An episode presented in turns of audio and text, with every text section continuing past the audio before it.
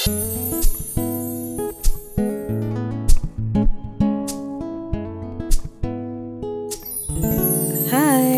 balik lagi di Disi Sati bersama gue Lia. Apa kabar semuanya? Gimana kemarin em ngerayain hari kemerdekaan? Semoga hari kemerdekaan ini bisa buat kita lebih merdeka dari berbagai masalah hubungan percintaan yang kompleks ya. Di Disi Sati podcast kali ini, gue pengen ngomongin tentang prinsip hidup. Tapi bukan soal prinsip hidup yang um, kita harus apa atau harus punya prinsip hidup apa. Lebih seperti membuat bahan refleksi bagi diri kita sendiri. Apakah kita sudah siap atau belum berhubungan dengan seseorang dalam komitmen yang besar. Jadi sebenarnya gue pengen memberikan berbagai macam pertanyaan reflektif sih di podcast kali ini gitu.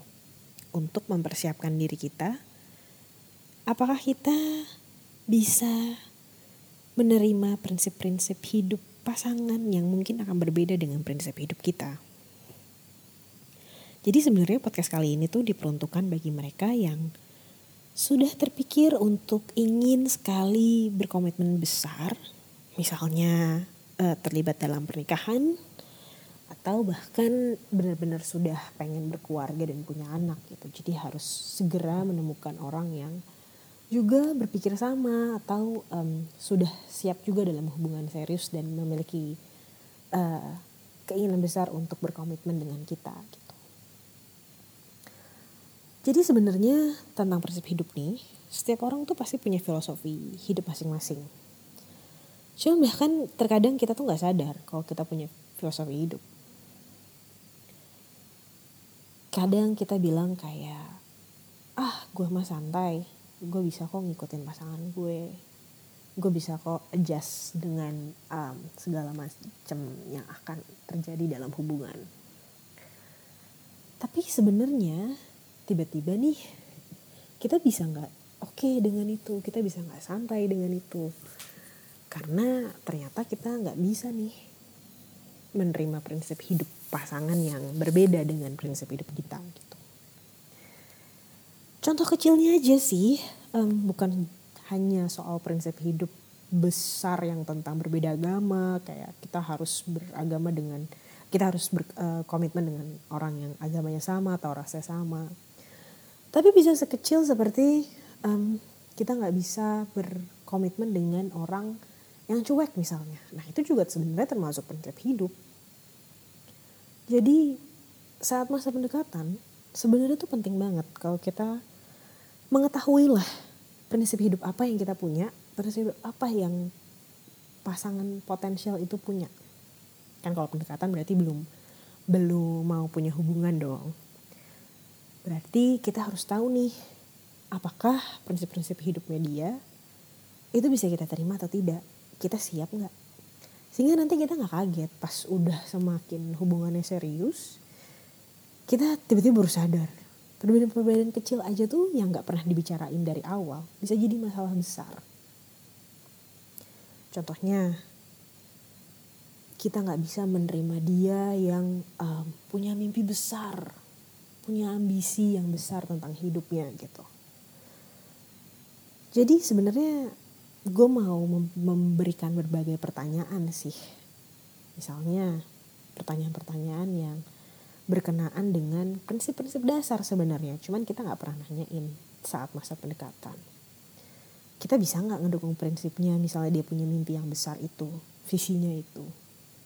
Kita bisa nggak mendukung dia segigih itu bahkan mungkin akan lupa misalnya komunikasi sama kita berapa lama karena dia benar-benar berambisi untuk membangun uh, misalnya kantor di luar negeri gitu.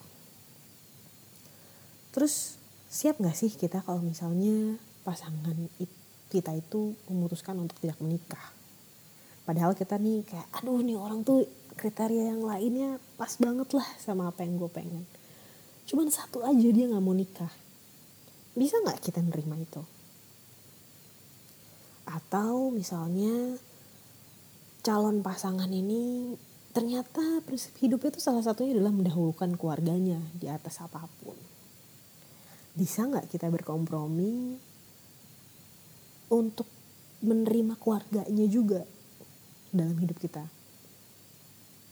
Atau ada juga nih orang yang secara nggak sadar hidupnya tuh benar-benar soal pekerjaan. Nah, bisa nggak kita menghargai pekerjaannya dia itu? akankah masalah-masalah yang akan muncul nantinya itu kita punya solusi dan membuat kita bisa berkompromi dengan solusi itu.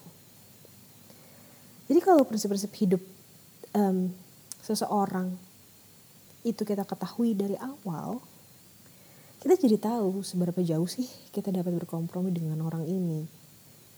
Jadi di awal tuh nggak cuma sekedar topik-topik romantis aja lah kayak ah kamu cantik, oh iya kamu pinter ya, kamu kerja di mana, ya itu mungkin dua tiga hari awal lah setelah kita merasa tertarik nih untuk misalnya pengen tahu lebih lanjut tentang hidupnya dia gitu. Tapi kayaknya udah mulai seminggu, dua minggu, bahkan sebulan, topik-topik yang lebih dalam, topik-topik tentang, misalnya tanya aja lah sama dia gitu. Um, menurutmu kalau misalnya nanti kita berkeluarga atau misalnya nggak usah kita deh, misalnya kalau kamu gimana sih cara kamu memandang pernikahan? Itu kan seperti pertanyaan general, bukan pertanyaan seperti kita mau nikah atau enggak. Supaya kita tahu aja apa yang dia pikirin. Atau bisa juga kita ngambil topik-topik yang ada di uh, media gitu. Terus kita pancing lah dia untuk bisa berargumen tentang topik pernikahan itu misalnya. Dari situ kita makin tahu dia lebih dalam, lebih ke karakter dalam dan prinsip hidup, filosofi hidupnya tuh seperti apa gitu. Sehingga um, kita bisa lebih selektif dalam memilih seseorang untuk berkomitmen besar. Karena komitmen yang besar itu tuh tidak bisa hanya sekedar lihat dari kulit luarnya aja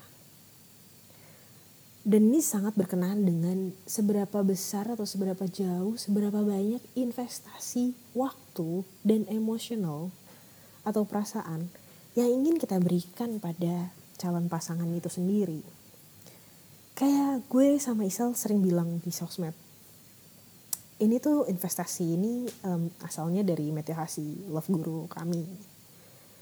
Sebenarnya bukan soal masalah perhitungan waktu dan perasaan sih, tapi lebih ke seberapa besar sih kita mau menginvestasikan waktu kita untuk seseorang investasi emosi dan perasaan kita pada orang tersebut itu berdasarkan selayak apa orang itu untuk kita berikan investasi ini nah kalau orang itu sudah dirasa oke okay, gue mau menginvestasikan perasaan dan waktu gue untuk dia sehingga prinsip-prinsip hidupnya yang mungkin akan menimbulkan masalah pun gue bisa berkompromi dengan itu dan mencari solusinya. Tetapi ini juga harus both ways. Artinya kita juga harus memastikan bahwa dia juga mau berkompromi dengan prinsip hidup kita. Tidak bisa hanya kita aja yang mau berkompromi dengan prinsip hidupnya dia. Jadi nanti pas kita pendekatan nih atau sekarang nih sudah berada dalam hubungan misalnya setahun atau dua tahun tapi belum pernah ngomongin pernikahan dan sedang ingin menuju ngomongin masalah pernikahan misalnya mulailah bertanya pada diri sendiri apakah dia ini orang yang akan kita berikan investasi emosi dan waktu dalam waktu panjang pertimbangkan soal pertanyaan-pertanyaan yang tadi gue kasih. Kalau jawabannya, ya saya siap, ya saya bisa. Berarti kamu sudah siap untuk memiliki sebuah ikatan atau status dengan orang tersebut. Kalau kamu mau ngomongin lebih lanjut lagi, punya argumen tertentu, karena ini gue ngasih um, sebagai bahan pertimbangan atau refleksi kan buat kita semua lah.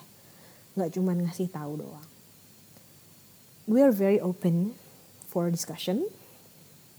Jadi kalau ada yang mau ngomongin lebih lanjut tentang prinsip hidup, yuk mampir ke Line Bisnis Sati atau ke WhatsApp bisnis yang infonya ada di Instagram kami at this is.